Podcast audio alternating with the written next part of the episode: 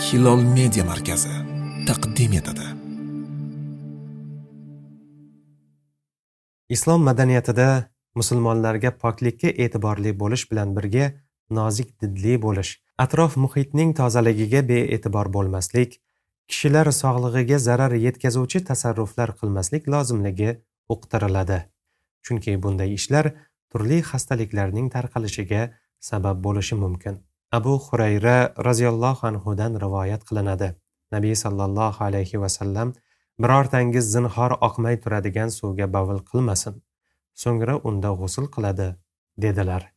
Boshqa bir rivoyatda so'ngra undan tahorat qiladi va yana boshqa bir rivoyatda oqmas suvga bavul qilishdan qaytardilar deyilgan ekan. Abu xurayra roziyallohu anhudan rivoyat qilingan bu hadisda muhim masala ko'tarilgan. Ya'ni o'sha zamonda hech kimning esiga kelmagan tibbiy ehtiyotkorlik choralari ko'rilmoqda. Payg'ambarimiz sollallohu alayhi vasallam biror kishi oqmay turgan suvga bavul qilishi mumkin emasligini qattiq tayinlab aytmoqdalar. Zamon o'tishi bilan ilm fan xususan tibbiyot rivojlanib odamlar bu ta'kid ma'nosini endi tushundilar. Inson peshobida turli zararli moddalar bo'lar ekan. Ana shu peshob orqali suvga aralashib qolgan zararli moddalar bu suvni iste'mol qilgan undan tahorat yoki g'usul qilgan kishilarga zarar yetkazishi aniq ekan. Jobir roziyallohu anhudan rivoyat qilinadi. Nabiy sollallohu alayhi vasallam idishlarning ustini yoping meshlarni bog'lang eshiklarni berkiting chiroqlarni o'chiring.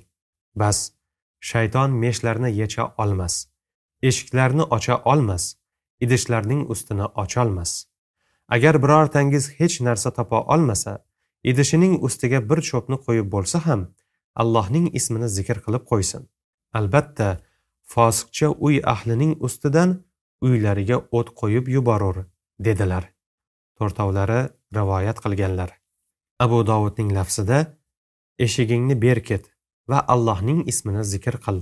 Chirog'ingni o'chir va allohning ismini zikr qil. Idishingning ustini yop va allohning ismini zikr qil meshingni bog'la va allohning ismini zikr qil deyilgan. Ushbu hadisi sharifning turli lafzdagi ikki rivoyati bir birini to'ldirib kelmoqda. Ularda kundalik hayotimizda doimo uchrab turadigan va amal qilishimiz lozim bo'lgan to'rt ish haqida so'z ketmoqda. Ikki rivoyatni bir biriga qo'shib o'rgansak anchagina hukmlar chiqadi. Payg'ambar sollallohu alayhi vasallam siz bilan bizga boshqalarning ko'ziga arzimas bo'lib ko'rinsa ham aslida muhim bo'lgan ishlardan xabar bermoqdalar. Birinchi eshigingni berkit va allohning ismini zikr qil. Musulmon odam har bir narsada allohning zikrini unutmasligi lozim. Kechqurun yotishdan oldin eshikni berkitib qo'yishda ham allohning ismini zikr qilish kerak ekan. Albatta eshikni berkitib qo'yishda uy egasi uchun ko'plab foydalar bor. Zotan aslida eshik berkitish uchun quriladi. Eshik berkitilmasa uyga turli zararli hasharotlar hayvonlar kirib zarar yetkazishi jumladan oila a'zolarining sog'liqlariga zarar yetishi mumkin. Ikkinchi chirog'ingni o'chir va allohning ismini zikr qil. Ushbu amri nabaviyga amal qilgan holda har bir musulmon kechqurun chirog'ini o'chirib yotishi lozim bo'ladi. Chiroqni o'chirmay yotishda zarar borligi sir emas. Bu ishning zararlaridan biri hadisi sharifning o'zida aytib o'tilmoqda.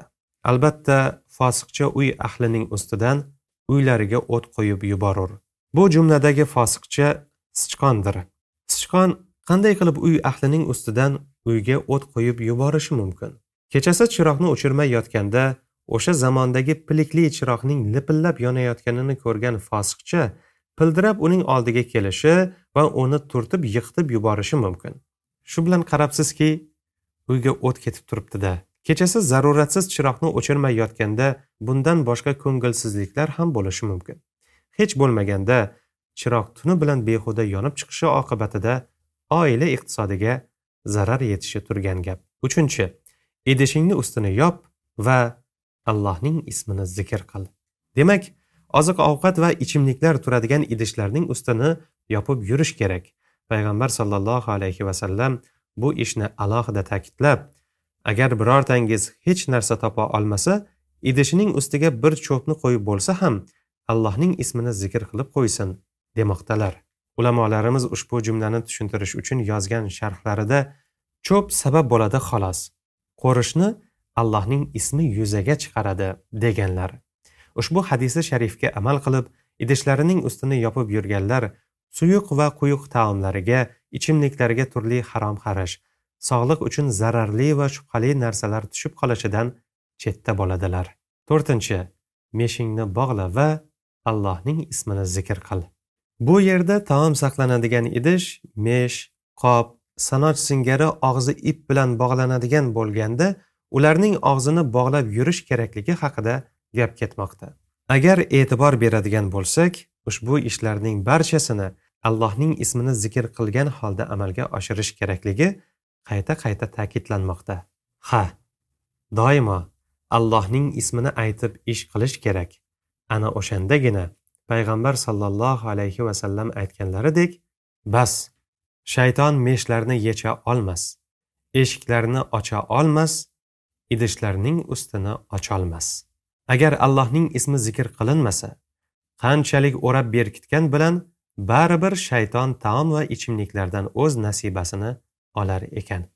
Hayotimizda ushbu hadisi sharifga amal qilishga ehtiyojimiz ko'p. Amal qilishga o'tganimizda ham payg'ambar sollallohu alayhi vasallamning hadisi shariflariga amal qilmoqdaman degan niyat bilan o'taylik. Ana o'shanda ikki dunyo yaxshiligiga erishamiz. Agar dunyoviy manfaatnigina o'ylab amal qilsak o'sha narsaga erishamiz xolos. Chunki har bir kishiga niyatiga yarasha beriladi. Yana o'sha kishidan rivoyat qilinadi. Nabiy sollallohu alayhi vasallam idishlarning ustini yoping meshkoblarning og'zini bog'lang. Chunki yilda bir kecha bor unda vabo tushadi. Yopqichi yo'q idish bog'ichi yo'q meshkob oldidan o'tganida o'sha vabodan albatta ularga tushadi dedilar. Muslim rivoyat qilgan. Bu hadisi sharifda ham doimo yil 12 oy davomida oziq ovqat va ichimliklar saqlanadigan idishlar yaxshilab berkitilgan holda bo'lishi lozimligi ta'kidlanmoqda.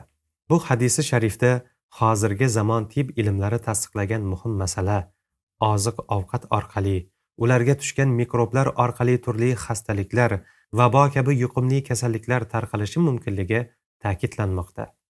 Demak islomda tibbiy ehtiyot choralari bundan 1400 yil ilgari o'ziga xos uslub bilan yo'lga qo'yilgan.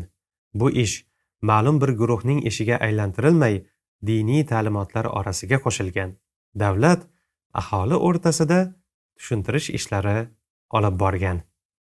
Assalomu alaykum va rahmatullohi va barakatuh.